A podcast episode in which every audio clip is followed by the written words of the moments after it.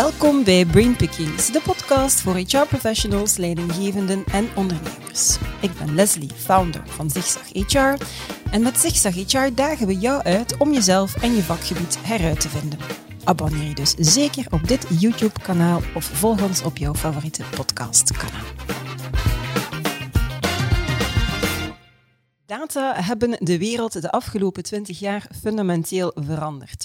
Grenzen tussen sectoren vervagen en smelten samen tot één gigantische chaos. En uit die chaos zullen dan nieuwe datagedreven ecosystemen ontstaan. Als bedrijven willen overleven, zullen ze die slimme ecosystemen dus moeten begrijpen, inzien waarom die ecosystemen de toekomst zijn en hoe ze worden opgebouwd. En daarvoor gaan ze vooral buiten hun industrie en buiten hun vertrouwde denkkaders moeten leren denken. En Erik Vera, mijn gast van vandaag, die weet daar alles over. Meer nog, hij heeft er zelfs een boek over geschreven, The Guide to the Ecosystem Economy.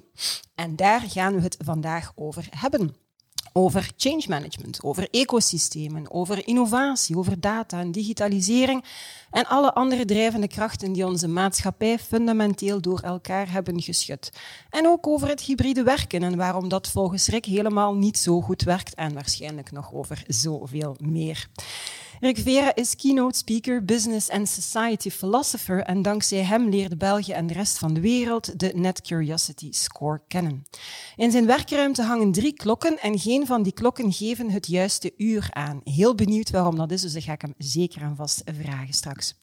Rick was mijn allereerste gast in het eerste seizoen van Brainpickings, dus het is eigenlijk niet meer dan logisch dat hij ook seizoen 2 van Brainpickings mag aftrappen.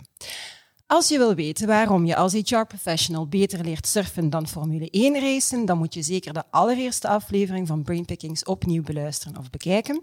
En als je op zoek bent naar de nieuwe spelregels in the world of work anno 2021 en beyond, spits dan je oren, want dat ga je nu ontdekken. Dag Rick. Dag Leslie. Welkom. Uh, blij hier een keer uh, opnieuw te zijn. Ja, ja absoluut. Ja, Altijd fijn om in je, jouw hoofd te je, kruipen. Je tovert een hele brede glimlach op mijn gezicht door dus die inleiding. Meteen gaat mijn brein aan allerlei dingen denken. Mm -hmm. ja. Je Zoals? wil me vragen over die klokken denken. Ja, ja. ja. maar die klokken deden meteen denken. Net daarvoor zei je, Rick weet alles over ecosystemen. Mm -hmm. Toen dacht ik, nou, dat is niet zo. Nee. Um, maar dat klinkt ik, wel ik ben, goed, hè? Ik ben passioneel nieuwsgierig en ben passioneel bezig met ecosystemen. Mm -hmm. En hoe meer ik daarmee bezig ben, hoe meer ik me realiseer dat ik daar heel weinig, weinig over over weet. En daar hebben die drie klokken dan weer mee te maken. Vertel. Uh, die, drie klokken, uh, die drie klokken samen, die wijzen zes keer per dag het juiste uur aan. Mm -hmm. En dat is ongeveer hoeveel ik weet over ecosystemen. Um, zes okay. keer per, per, per dag ben ik er ongeveer op. En al de rest van de tijd ben ik aan het gissen wat ecosystemen zouden kunnen betekenen. Ja. Maar net dat gissen en net dat, dat uitzoeken, wat, wat kan het betekenen?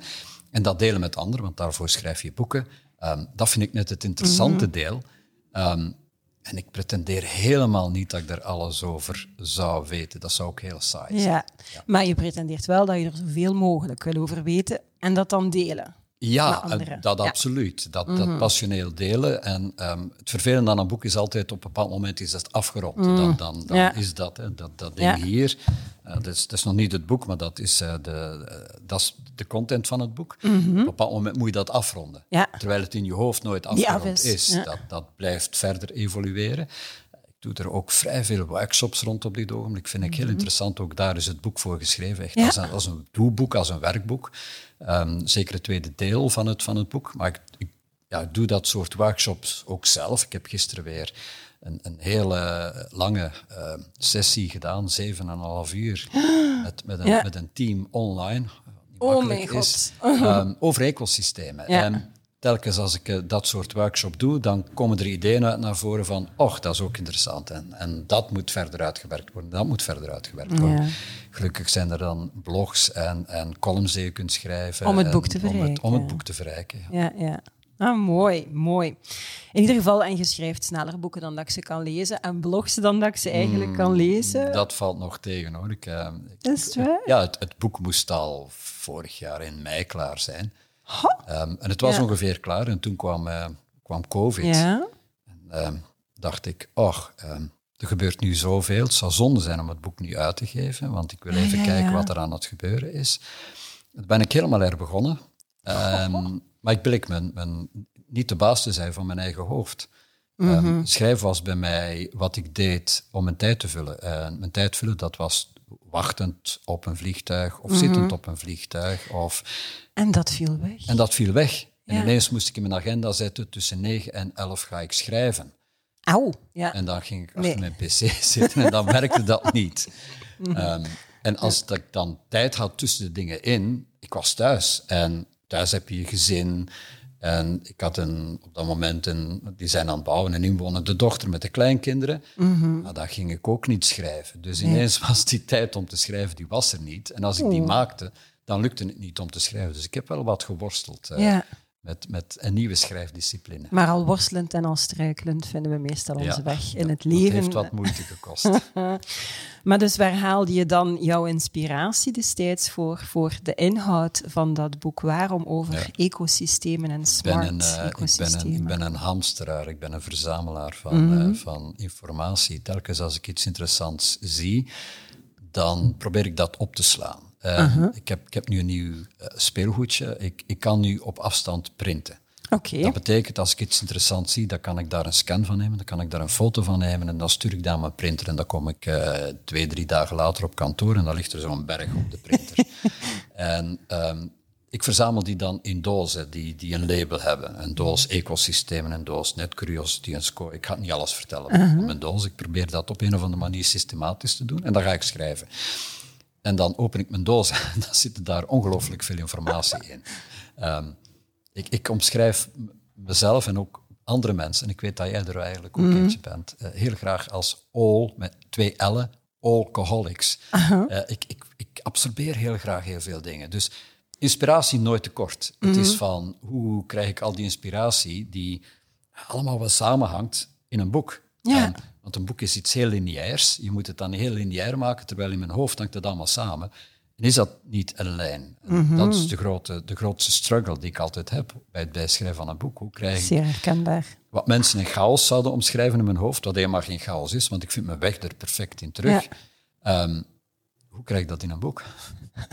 dat lineair is. De grote, ja. de grote uitdaging. Ja. Rick, een, een ecosysteem wat is dat is als, als, als definitie daarvoor? Want dat is inderdaad een term die we nu ja. heel vaak horen. Wat mogen we daaronder verstaan? Ja, um, iedereen heeft zijn eigen definitie. En ik heb mm. ook een definitie. Ik heb een, een, schema gemaakt van wat ik denk dat een ecosysteem is en wat de bouwstenen zijn van een ecosysteem. Um, en de ene noemt het platform-economie, uh, de andere noemt het ecosysteem-economie. Ik omschrijf het graag als ecosysteem-economie. Uh, en in wezen is het niks nieuws. En mm -hmm. Als ik terugblik op mijn eigen carrière in, een, in de jaren negentig, um, uh, zelfs de, de pre-internetjaren, ik ben oud genoeg om, om toen al in business te zitten, uh, bouwden wij al ecosystemen. Ik weet, mm -hmm. op een bepaald moment werd ik verkoopleider in Nederland in de tapijtindustrie. Dus ik kom echt uit oude industrie. Mm -hmm maakten we al ecosystemen. Ik werd lid van een ecosysteem, want er was iets als de Vereniging van Nederlandse Tapijtfabrikanten. Ja. En wat we daar deden, was samenwerken om ervoor te zorgen dat de branche als branche um, kon overleven. En wat we deden, is we verzamelden toen al data over de markt. Mm -hmm. En die hadden we op een platform. En dat was dan elk van ons om van dat platform de data te halen, de informatie uit dat Inderdaad. platform te halen. En elk van ons zijn ding daarmee te doen. Maar het platform werd ergens gemanaged, zodat dat dat platform zo neutraal mogelijk was. En ik bouwde daar twee bijkomende ecosystemen bij. Ik bouwde ook een ecosysteem samen met de retailers in de markt. Ik dacht, oh, ik wil, toen heette dat nog de eindgebruiker, ik wil de eindgebruiker meer binden, ik wil die beter leren kennen, maar als fabrikant kan ik dat niet. De retailers kunnen dat wel, maar die staan apart. Als we daar een clubje van maken, mm -hmm. dan zijn we samen sterk. Dus ik maakte een clubje samen met de retailers.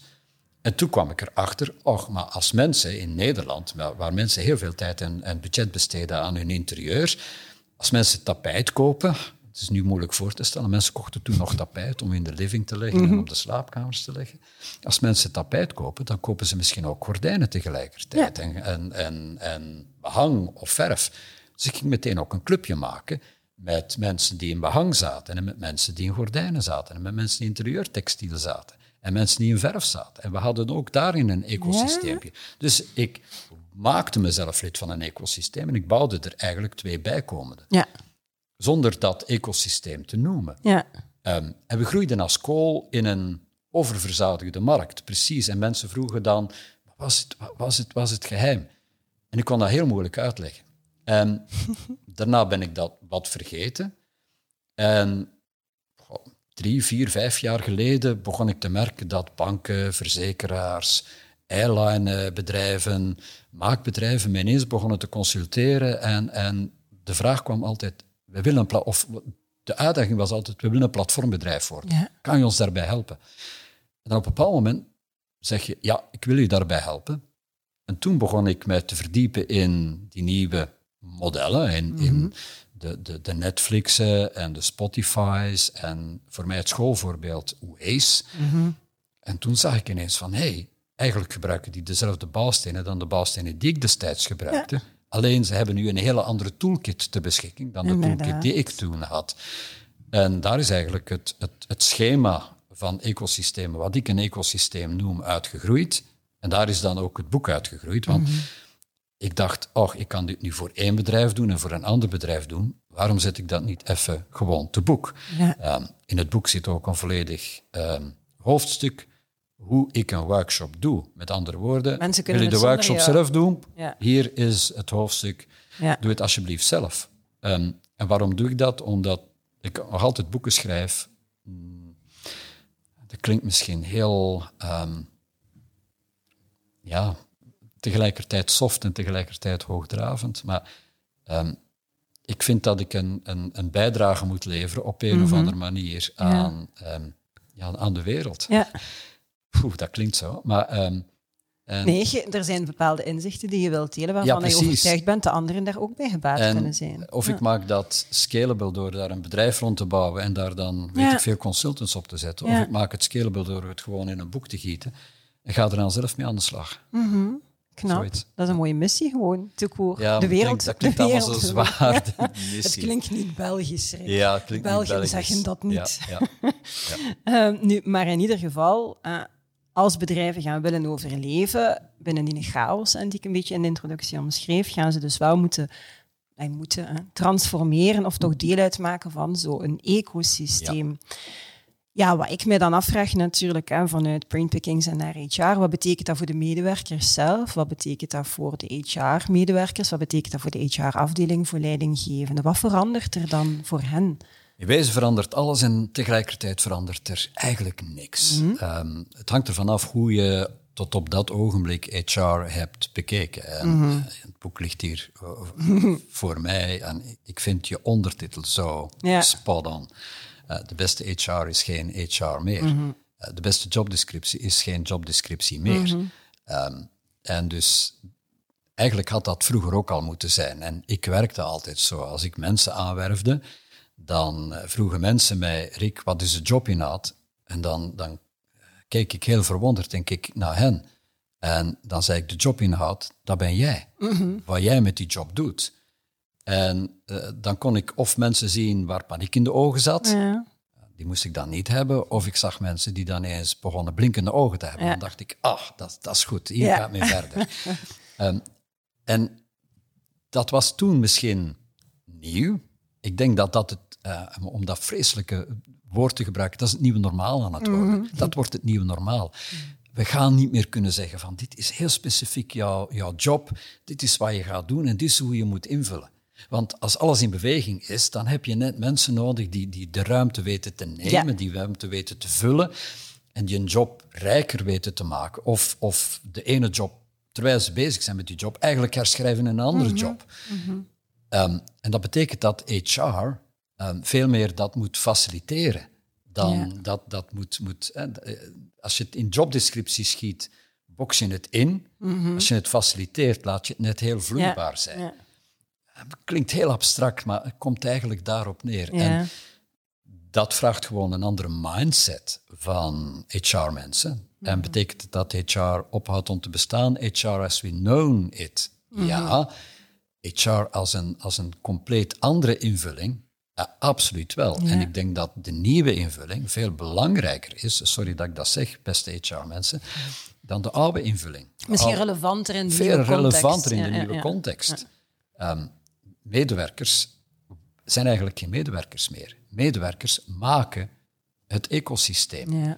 Um, daarom vind ik Waze zo'n schoolvoorbeeld van een ecosysteem. Iedereen die Waze gebruikt, is Waze. Waze zou niet bestaan als we Waze niet gebruiken. Nee, klopt. Een bedrijf zou niet bestaan als werknemers werken ook zo'n vies woord, daar Ja. hebben we het de vorige keer over gehad. Als, als, we moeten daar een ander woord voor vinden, maar ik ga het even werknemers... f- Medewerkers, medewerkers, anders. medewerkers en medewerkers. Medewerkers die niet zouden zijn, zou het bedrijf niet bestaan. We denken altijd, een bedrijf is een blueprint en die vullen we in. Nee, bedrijven zijn mensen en daarom maak je in wezen de blueprint. Maar dat mag dan geen blueprint meer zijn. Dat is de print van dit ogenblik en die kan morgen er helemaal anders uitzien. En constant dat faciliteren en daar wel een aantal spelregels rond bedenken, dat is de nieuwe invulling van HR. Ja. En dus alsjeblieft, HR moet mee in het beleid van de organisatie zitten.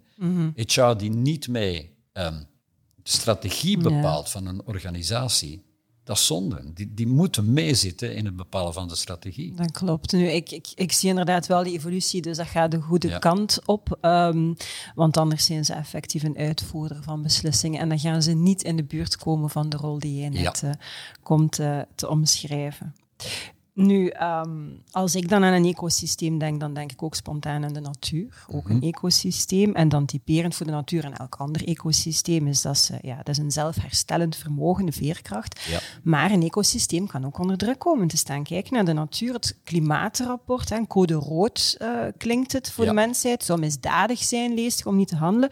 Ja, kan een business-ecosysteem dan ook verdwijnen? En vooral, hoe ga je dat dan voorkomen? Ehm, Moet je dat voorkomen? Ja, je moet dat absoluut Ja. Mhm. voorkomen. En ik zie veel bedrijven die op dit ogenblik een ecosysteem proberen op te zetten. Mhm. En daar dan niet de spelregels van een ecosysteem op toepassen. Mhm. Met andere woorden, als je een ecosysteem opstart en je gaat de oude spelregels Ja. hanteren in het ecosysteem, dat is de- meteen het einde van het ecosysteem, dan, dan wordt het geen ecosysteem. Ehm, daarom, ik, ik zit op dit ogenblik, doe ik vrij veel dingen voor Gartner. En ehm, dan, en, en als ik dat vertel, zitten mensen zo te kijken, jij en supply chain. Ik zit heel veel bezig bij supply chain. Omdat supply chain, als je een ecosysteem bouwt en je gaat de, je gaat de oude supply chain aankoop, purchasing, ehm, regels en procedures gaan toepassen in een ecosysteem, dan vernietig je het Ja. ecosysteem. Ik heb, en ik verwijs weer naar het boek, ik heb in het boek een, een volledig hoofdstuk over de do's en don'ts in een ecosysteem. Er is governance nodig van het platform. Ja. Ehm, het platform is een van de bouwstenen van een ecosysteem. En je moet ervoor zorgen dat het platform afgescheiden wordt van de plek waar je geld verdient met Ja. een ecosysteem. Ja. Dat zijn in mijn boek de applicaties. Dat is wat bedrijven doen bovenop het platform. Mhm. Maar je moet ervoor zorgen dat het platform op een bepaalde manier gerund wordt. En dat betekent dat je, en ik ga drie spelregels even noemen, want er zijn er meer. Een eerste spelregel is, platform, het ecosysteem, is er. De raison d'être van een ecosysteem is de very survival van het ecosysteem. En dat betekent, twee, dat in een ecosysteem er dus geen winnaars en geen verliezers kunnen zijn. En dat is heel klassiek in een supply chain of in een purchasing ehm, organisatie. Dat is, we proberen zoveel mogelijk van de druk Ja. naar beneden te pushen naar onze leveranciers.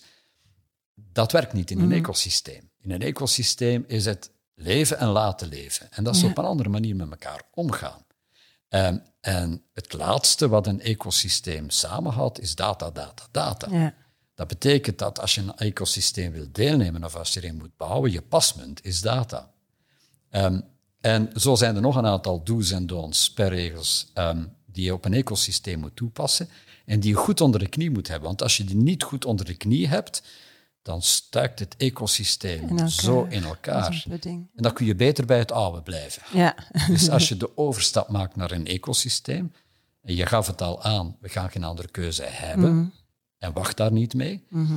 Maar dan moet je ook de nieuwe spelregels echt in de vingers hebben. Ja. En dat wordt even oefenen. En Mensen moeten ermee aan En de mindset slag. veranderen. Ja. Zeg, en wanneer komt het dan uit? Want nu ligt het hier inderdaad. Ik, ben, ik zou er eigenlijk wel in blauw. Ik weet dat je ook sketches zelf hebt. hebt Ja, maar die zitten hier nog niet in. Mm, verdorie. Ja. Ehm, wanneer, wanneer gaan we het kunnen? Want je kunt het wel al pre-orderen, dacht ik. Het, je kan het al pre-orderen en het, het is nu in die fase, en je weet wat het is, hè, die fase. Het is nu in de fase dat ik nog even de, de tekst eh, op laatste spelfouten aan het nalezen ben. Maar de hele, de hele setting is gedaan, dus ik kan geen content meer veranderen. De tekeningen zitten erin ik heb Mhm. inderdaad alle tekeningen zelf gemaakt. En uh, dan begint men te printen. En de bedoeling is dat half uh, oktober de print. Uh, er is een tekort aan papier hè, op dit ja. ogenblik. Ja, want je print al je ideeën uit. Ja. Ehm, dat het half oktober ja. beschikbaar is. Okay. En, maar mijn oktobermaand zit zo vol dat de, de launches. En ik ben nog even aan het kijken hoe ik de launch aan het opzetten ben. Um, en het, kan best zijn dat we doen met, met, een, met, een, met een praatshow. Je praat zelf ja. over een praatshow, met een praatshow. Um, iets minder zenden en iets meer in communicatie gaan. Mm -hmm. uh, maar dat wordt um, begin november pas. Ja, oké. Okay. Ja. Maar dan gaan we er zeker een aantal ja, onder onze abonnees verdelen. Ik ben extreem benieuwd. Om de zoveel jaar hebben we sowieso de gelegenheid, en we zitten daar nu ook in, hè, om de manier hoe dat we werken fundamenteel te gaan herdenken. In het begin van de 19e eeuw, industriële revolutie, ja. fabrieken, Wereldoorlog 2, vrouwen op de arbeidsmarkt. En dankzij en dat zijn de vrouwen eigenlijk beginnen werken, omdat er anders geen volk was om ja. te werken. Jaren 90 de computer, start van digitalisering. En 2020 hadden we dan corona, waardoor de mensen van thuis uit aan het werk konden gaan. Niet allemaal, want het blijft, vind ik, nog altijd een, een, een, een, een kleine fractie van de populatie, maar ja. toch, hè, het, was iets ongezien. Dus iedereen is heel benieuwd hoe dat hij de March Back to the Office eruit gaat zien. En uit vele gesprekken die ik al gehad heb in België, maar ook daarbuiten, hè, merk ik eigenlijk vooral een gigantische disconnect tussen hoe dat werkgevers denken dat die toekomst van werk eruit gaat zien en werknemers. En ik gebruik ja. nu heel specifiek ja, werkgever, werknemer. Wat is de allergrootste uitdaging voor HR bij het overbruggen van die gap, van die disconnect? Want die is er. Ja, ik, wil, ik wil even twee dingen uit elkaar, uit elkaar okay. halen. De eerste grote uitdaging, die vind ik te veel in dit debat vergeten wordt. Mm -hmm. um, en misschien heeft dat met mijn achtergrond te maken. Ik heb maakbedrijven geleid. Mm -hmm. En in maakbedrijven is max 10% van, van mijn populatie in staat om remote te werken. Absoluut. En 90% is niet in staat om remote te werken, gewoon omdat ze in de fabriek werken, of omdat ze in de supply chain werken, of dat ze in het magazijn staan, of dat ze in de receptie staan, of dat ze in het labo staan. Ja. Um, en die worden vergeten in heel ja, dit debat. Ja, in heel dit debat absoluut. worden die vergeten. Ja. Maar dat kunnen we niet. We kunnen dus geen sperregels opzetten en een soort nieuwe ongelijkheid maken tussen mm. Ubermensen en Ondermensen. En Ubermensen kunnen van Vreselijk, thuis werken ja. en Untermensen kunnen niet van thuis werken. Maar die worden in heel die debat gewoon compleet genegeerd en compleet vergeten. Ja. We, we, weten dat heel pak van de polarisatie in onze samenleving net komt omdat we een hele groep mensen vergeten zijn mee te ja. En we doen het En we doen nu dat opnieuw. Dat, dat ja. vind ik het eerste deel. Ja. Niet alle bedrijven, gelukkig. Nee, gelukkig je, niet Er alle, zijn er veel die daar inderdaad een policy uh, hebben kon maar dat zijn, En dan kom ik op dat tweede. Dat zijn dan weer net de werkgevers mm. die zich dat realiseren. Mhm. Mm -hmm. Van, hé, hey, het is niet zomaar te doen. Ik, heb, ik ga geen namen noemen, maar ik heb gesprekken gevoerd met werkgevers. Ik heb er daarna dat stuk in de tijd over geschreven, precies Mhm. mm -hmm. omdat ik die pijn voelde. Ja. De pijn van de werkgever, die zegt, maar ik, ik, durf bijna op, aan plein publiek niet meer zeggen dat ik mijn mensen graag terug op kantoor heb, want dan word ik bekeken als een dinosaurus die het niet begrepen heeft. Mhm. En ik krijg het zo moeilijk uitgelegd wat nu precies de problematieken zijn die ik eerst even moet tackelen, Mhm. vooraleer ik überhaupt zou kunnen denken om een aantal van mijn mensen remote te laten werken. En dit is er maar eentje van, maar er zijn nog heel veel andere ja. dingen. En alweer, ik ga terug op mijn eigen carrière. In het begin van de Zero's werd ik op een bepaald moment verantwoordelijk voor een fabriek uh, van Domo, van Jan de Klerk. En uh, twee van mijn mensen, en ik, werkte, ik had een, mijn kantoor in Zelen en daarna in Sint-Niklaas. Twee van mijn mensen die kwamen helemaal uit, letterlijk uit de, de, de diepe, um, uh, het diep West-Vlaanderen, bijna tegen de Franse grens. Mm -hmm. Elke ochtend anderhalf uur gereden tot in Sint-Niklaas om anderhalf uur terug te rijden. Dus op een bepaald moment zei ik tegen Marnik en Marnix, want zo heten ze Marnik en Marnix, tegen Marnik en Marnix, jullie kunnen van thuis uitwerken, ik ga dat regelen. En ik liet die even van thuis uitwerken en na veertien dagen kwamen die bij mij en zeggen ze mogen we alsjeblieft terug naar kantoor komen. Want het werkt niet. Mhm. En ik gaf ze alle faciliteiten en toch werkte het niet. Um, en in heel dat debat wordt, wordt dat voor gedeelte vergeten. Mhm. En, um, en dat vind ik jammer. Ja. Ik wil het debat heel graag voeren. En ik denk dat er heel veel mogelijkheden zitten. Maar laten we het alsjeblieft niet overhaast doen. Mhm. Mm -hmm. Laten we even dat goed doornemen. En ook die issues die we nu opzij zetten, zoals dat 90% van de, van de werkende bevolking niet eens in aanmerking mm -hmm. komt, daar kunnen we toch niet, geen abstractie nee. van maken. Nee. We, we, hebben hoera hoera gedaan voor de, voor de hele health sector. Nou, gaan we even over remote werken tegen de health sector beginnen? Nou, dat vind ik wel een hele uitdaging. Absoluut, absoluut. Groot gelijk. En ik, ik ben ervan overtuigd dat effectief heel wat bedrijven daar wel al, al zich van bewust geraken, maar in de publieke opinie en in, stoor ik mij daar effectief ook aan. We hebben het uh, een ja, paar We laten het debat nu domineren door uiteindelijk die, die 5% die in aanmerking komen en men vergeet die 95%. En, en dat leidt tot polarisatie alweer. Ja, en we hebben er al genoeg vandaag ja, de dag. Precies. Um, over dat hybride werken. Um, ja. Vreselijk woord, ik weet het, ik weet het. Ik, ik weet online mergers with offline of, ja. of, ik weet niet hoe... Ja, ik zeg altijd, het, het, het uh, hybride doet me altijd denken aan het monster van Frankenstein. dat was ook hybride, dat was ook aan elkaar geplakt. Hybride ja. is heel vaak, we nemen een beetje van het oude, we nemen een beetje van het nieuwe en we, we plakken dat bij elkaar. En dan hebben we ziet het er niet uit. Maar dat betekent, ik, ik, heb eigenlijk niet de guts om afscheid te nemen van Nee. het oude en ik heb ook niet de guts om helemaal in dat nieuwe te springen. Dus ik plak die een beetje aan elkaar en noem dat dan maar hybride, dat klinkt lekker. Sorry, maar dat, dat is mijn interpretatie. Ja, maar die, die, die is vrij duidelijk en breed gekend, denk ik nu. Uiteraard lees ik mij uh, in. Ik, ik, print het nog niet allemaal uit. Ik probeer het op te slaan, wat dat natuurlijk niet gaat. Maar ik heb uit een van de vele artikels, Four Reasons Hybrid Offices Don't Work, een Fast Company, Ja. nieuw begrip geleerd. Propinquity noemde dat. heb ik uiteindelijk opgezocht. Het Ja. is een fancy term, hè, waar dat je meer een keer mee kunt uh, uitpakken. Betekent gewoon proximity. En het punt dat de auteur van het artikel wil maken, is dat out of sight wel degelijk out of mind is. Dat, dat, weet- weten we toch gewoon. Dat we. weten we toch gewoon. Dat klopt. Ja. Ehm, nu, niet alleen draagt dat samen zijn, deel uitmaken van de ja. community, dat draagt bij Ja. tot innovatie, maar ook productiviteit. Dat is misschien wat Marnik en Marnix in een tijd, we willen terug. We Ja, willen, we, willen dus, mensen. we, we willen allemaal nu ineens een lange afstandsrelatie met onze, met onze geliefde, denk ik. Ik bedoel, dat is toch net hetzelfde. Je wilt toch bij elkaar zijn. ja. Ehm, Klopt. er gebeuren toch andere dingen als je bij elkaar bent. Eh, als, ik, als ik je uitnodig van de koffie, Ja. en we gaan samen een koffie drinken en lekker babbelen, Mhm. dan is dat toch iets helemaal anders dan als we een teammeetings, een teams-meeting organiseren. Ik heb niks tegen teams-meetings, ik vind het geweldig, maar het is iets anders. Mhm. ja. Dan is het heel efficiënt en heel doelgericht. Ehm, eh, iedereen die mijn keynotes al gezien heeft, kent mijn plaatje hè, van mannen die shoppen en vrouwen Ja. die shoppen. Een man die shopt, die weet precies wat hij nodig heeft, gaat binnen, pakt dat en loopt terug buiten. En het is ook zo, als ik met mijn vrouw ga shoppen, en sorry, eh, eh, dan heb ik heel de, de winkel of, eh, of het hele shoppingcentrum gezien en ik snap niet wat men allemaal aan het doen is, maar op het einde heeft men wel alles gezien. Dat is precies het verschil tussen een teamsmeeting. Dat is heel efficiënt, dat is die man die shopt.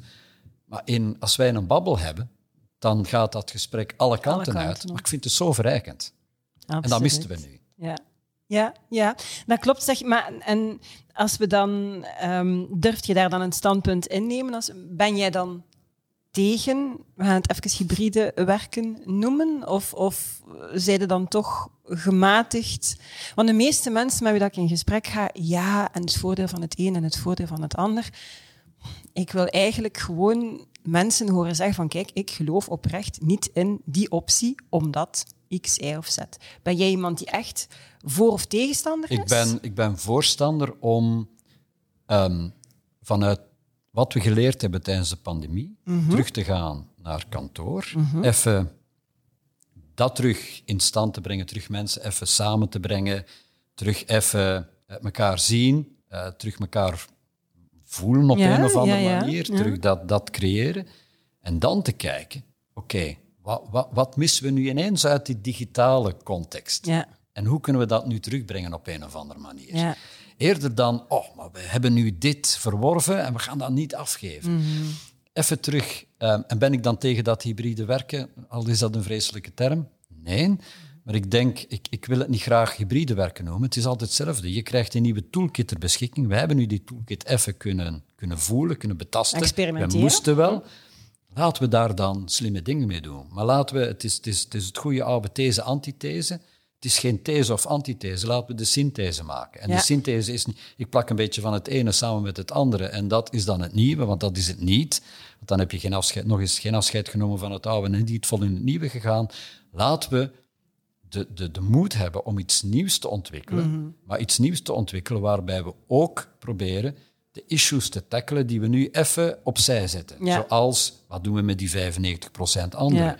Hoe creëren we een stuk gelijkheid terug. Laten Absoluut. we niet onderschatten, op kantoor zijn is ook een stuk gelijkheid creëren. Ehm, de ene eh, remote werken, zit de ene vanaf zijn keukentafel te werken en de andere zit vanaf een heel luxueus eh, eh, thuiskantoor te Of werken. ergens in het buitenland. Of ergens in het buitenland. De, de ene heeft schoolgaande kinderen. Ehm, en, eh, of, of kinderen die in de crash zitten. En de crash zit even. Ik heb met mijn eigen dochter meegemaakt. En Mhm. dan moest de crash even dicht vanwege COVID. En dan zitten die remote meetings te doen met, met, met een baby op de schoot. Terwijl de anderen in de luxe hebben van als studerende kinderen te hebben. Je creëert een, een heel pak ongelijkheid. En ik zeg niet dat dat niet mag. We moeten wel even daar goed over Ons nadenken. bewust van zijn ja, dat die en er goed over is. Nadenken van ja, hoe gaan we dat oppakken. Men, men gaat nu hals over kop dat het nieuwe normaal noemen en dat is het nu. Ik, ik, ik zie dan al dingen verschijnen, ik ga geen namen noemen, die, die er al sperregels op zetten. De tien regeltjes van het hybride werken. En ik heb al iets tegen regeltjes. Ehm, dan denk ik, dit is wel heel snel. Ja, ja, het is snel. Het doet mij meer denken aan ook iets wat je volgens mij in de eerste podcast hebt gezegd, dat ik dan ergens heb gelezen van jou met die Lego-blokken. Uiteindelijk moet je gewoon inderdaad iets compleet nieuws maken Ja. met die Lego-blokken. En dat is, dat is het mooie. Je gebruikt je fantasie. eh, ik, ik denk niet dat er veel kinderen zijn, alhoewel mijn man is volgens mij zo, die zo als hij een bouwdoos krijgt, alle blokjes moeten terug in die bouwdoos. Ik was dan type die pff, Ja. alles in één grote doos gooide en fundamenteel nieuwe dingen maakte. Daar doet het mij aan denken, aan, aan het nieuwe. aan En je, je hebt uiteindelijk, als je een bedrijf bouwt, heb je de twee types nodig. Je hebt, je hebt de type nodig die perfecte bouwdoos eh, namaakt. Maar je hebt er ook een aantal nodig die, eh, die die steentjes zien en denken, het is wel heel saai om eh, dat, dat plannetje helemaal te, te, te, na, na te bouwen. Laat ik zelf iets bouwen. Ja. Maar je hebt die twee nodig. Ik, ik wil daar geen waardeoordeel Nee. aan geven van het ene is belangrijker dan het andere. We weten met z'n allen, ik denk dat we met z'n allen vergeten zijn dat bedrijf, een samenleving, dat is altijd een wankel evenwicht. En we willen niet heel perfect. We, we, we, zijn bang geworden van wankele evenwichten. We kiezen of voor zwart of voor wit. En we, we, we kiezen of voor links of voor rechts. En we, we, zijn vergeten dat het een evenwicht is. Ook een, Ja. een samenleving, maar ook een bedrijf is altijd een evenwicht tussen het individu en het collectief. En als je mensen absolute vrijheid geeft, dan krijg je ongelooflijk ongelijkheid. Als je iedereen in hetzelfde duwt, dan krijg je ongelooflijke onvrijheid. Ja, ja. En het is net die balans. En dat is altijd een wankele balans. En we zijn blijkbaar bang geworden van wankele balansen. Ja, dat klopt. Want het is zelfs ook, en nu spreek je over de mensen, maar het gaat hem ook over exploreren en exploiteren. Wat je zegt, je hebt mensen nodig die totaal, totaal nieuwe dingen maken. Met, dat, Ja. zijn dat is het exploreren van wat kunnen we nog. Maar exploiteren is hoe maakt je wat er al is beter, performanter, efficiënter, effectiever. Ook daar heb je die twee nodig, maar dat vereist inderdaad andere Het mensen, enige waar we moeten, moeten mee ophouden als we, als we het hebben over bedrijven bouwen die in staat zijn om in- met verandering om te gaan, Mhm. dat is denken dat het einde van het project het einde is. Het einde van het project is het begin. Van een nieuw. Dat is het begin. Ja. Ja. ehm, Niks is af. ja. Ehm, op het moment dat het af is, is het het begin van dat onaffe. Ehm, ja. Ik denk dat dat voor veel mensen extreem beangstigend is, Rick. ja, maar je hebt ook mensen nodig die dat eerst afmaken. Ja. die dat eerst afwerken. Ik ben er ook zo een, ik start het op en ik vind het zo lastig om iets af te werken. Een boek afwerken, Ja. vreselijk. Ehm, ik start dan graag dat nieuw. Mm. Maar ik weet wel dat ik rond mij mensen nodig heb die het afwerken. Ja. En die moet je ook appreciëren. Dat, dat is nodig, want anders creëer ik alleen maar chaos. Ja. En ik kan, de, de chaos die ik creëer, kan alleen maar richting geven op het moment dat een aantal mensen die, die chaos op een bepaald moment samenbrengen. Ik kan niet in lijnen denken, ik kan niet lineair denken, maar ik heb wel mensen nodig, ik heb die altijd rond mij gehad, die wat geen chaos is, maar wat chaos lijkt in mijn hoofd, kunnen omzetten in een timeline, in deliverables. Ja. Vraag mij niet dat te doen, maar ik weet dat ik dat nodig heb. Dus je hebt die twee nodig, absoluut. Mooie, mooie boodschap. Tot slot, Rick. Een, je mocht een ultieme boodschap meegeven aan alle HR-professionals die luisteren of kijken. Wat Ja. mag dat zijn? Ehm, ja, die, die, die heb ik. Ehm, dat is ook de, de vraag die ik voortdurend bij mezelf stel. Als, als je het had over, of, of als ik het zelf had over waarom schrijf ik een boek, dan is dat eigenlijk om een antwoord te geven op een vraag. En die vraag wil ik meegeven, ook aan HR-mensen, maar eigenlijk aan iedereen. En ook aan bedrijven en ook aan overheden. En die vraag is, het is een heel eenvoudige vraag, maar ik noem het de ultieme vraag. Maar ik noem het de ultieme vraag. Dus eigenlijk de vraag, s'avonds nadenken van, heeft, zou, stel dat ik er niet zou geweest zijn vandaag. Als mens, als HR-directeur, als medewerker, als werkgever, als bedrijf, als merk, wat zouden mensen daar gemist hebben? Hmm. En als je daar geen antwoord op weet te geven, oh. dan heb je eigenlijk die dag niks bijgedragen. Of ben je als bedrijf, waarom ben je er dan? we, kennen allemaal de golden cycle van Simon Sinek, maar eigenlijk is dit de ultieme mm. why. Ja. Wat zouden mensen gemist hebben als ik er niet zou zijn? Ja. Vandaag. En af en toe heb je zo'n dag. Oké. Ja, dat kan alles. Dat kan. Maar, maar, als je dat constant hebt, dat is jammer. Ja. En dat is, dat is ook als medewerker. Heb ik mhm. nu vandaag wat bijgedragen op een of andere manier? Zou het bedrijf me gemist hebben als ik er vandaag niet was? Mm Heel mooie boodschap om uh, de wereld in te sturen. En zeker inderdaad niet alleen naar HR-professionals. Nee, maar het, is, het is gewoon een algemene boodschap. Ja, ja. HR-professionals zijn gelukkig ook maar mensen. Ja, maar het is een heel confronterende vraag. Ik stel ze heel vaak aan bedrijven. Heel vaak bij het begin van, van, een, van een sessie die ik met hen doe, of een workshop die ik met hen doe. Mm Van denk er eens over na. Je hoeft niet het antwoord te geven, maar neem even de tijd om na te denken als bedrijf, als merk Stel dat ik er morgen niet meer zou zijn, zouden de mensen dan iets missen? Er zijn heel weinig bedrijven die daar een antwoord op hebben. Ik ga daar ook eens over nadenken, Rick. Ja. Dank je wel dat ik uh, opnieuw in jouw hoofd mocht kruipen en dan mijn tweede seizoen uh, van ja, Je weet dat ik je graag in mijn hoofd heb. Hè? Goed, maar dan kom ik zeker nog een keer terug. En ik wil dat boek lezen, hè? absoluut. Kijk, ga naar uit. Um, goed, merci in ieder geval om hier uh, te gast te zijn. Het zit er dus al, uh, alweer op. De eerste aflevering van het tweede seizoen heb jij al achter de kiezen. Merci om te luisteren of om te kijken. Ik heb de komende weken en maanden nog echt belachelijk veel interessante gasten voor jou in petto. En dat wil je natuurlijk voor geen geld ter wereld missen. Abonneer je dus zeker op dit YouTube-kanaal of volg ons op Spotify, Google Podcast, uh, kanaal naar keuze. Je mag eigenlijk kiezen. Er zijn er ondertussen al heel veel meest vooruitstrevende HR-professionals die zijn natuurlijk al lang geabonneerd op ons fantastische tijdschrift, dus maak daar zeker ook eens werk van. Het allerbelangrijkste is nog altijd hetzelfde als vorig seizoen. It's a great time to be in HR. Tot de volgende.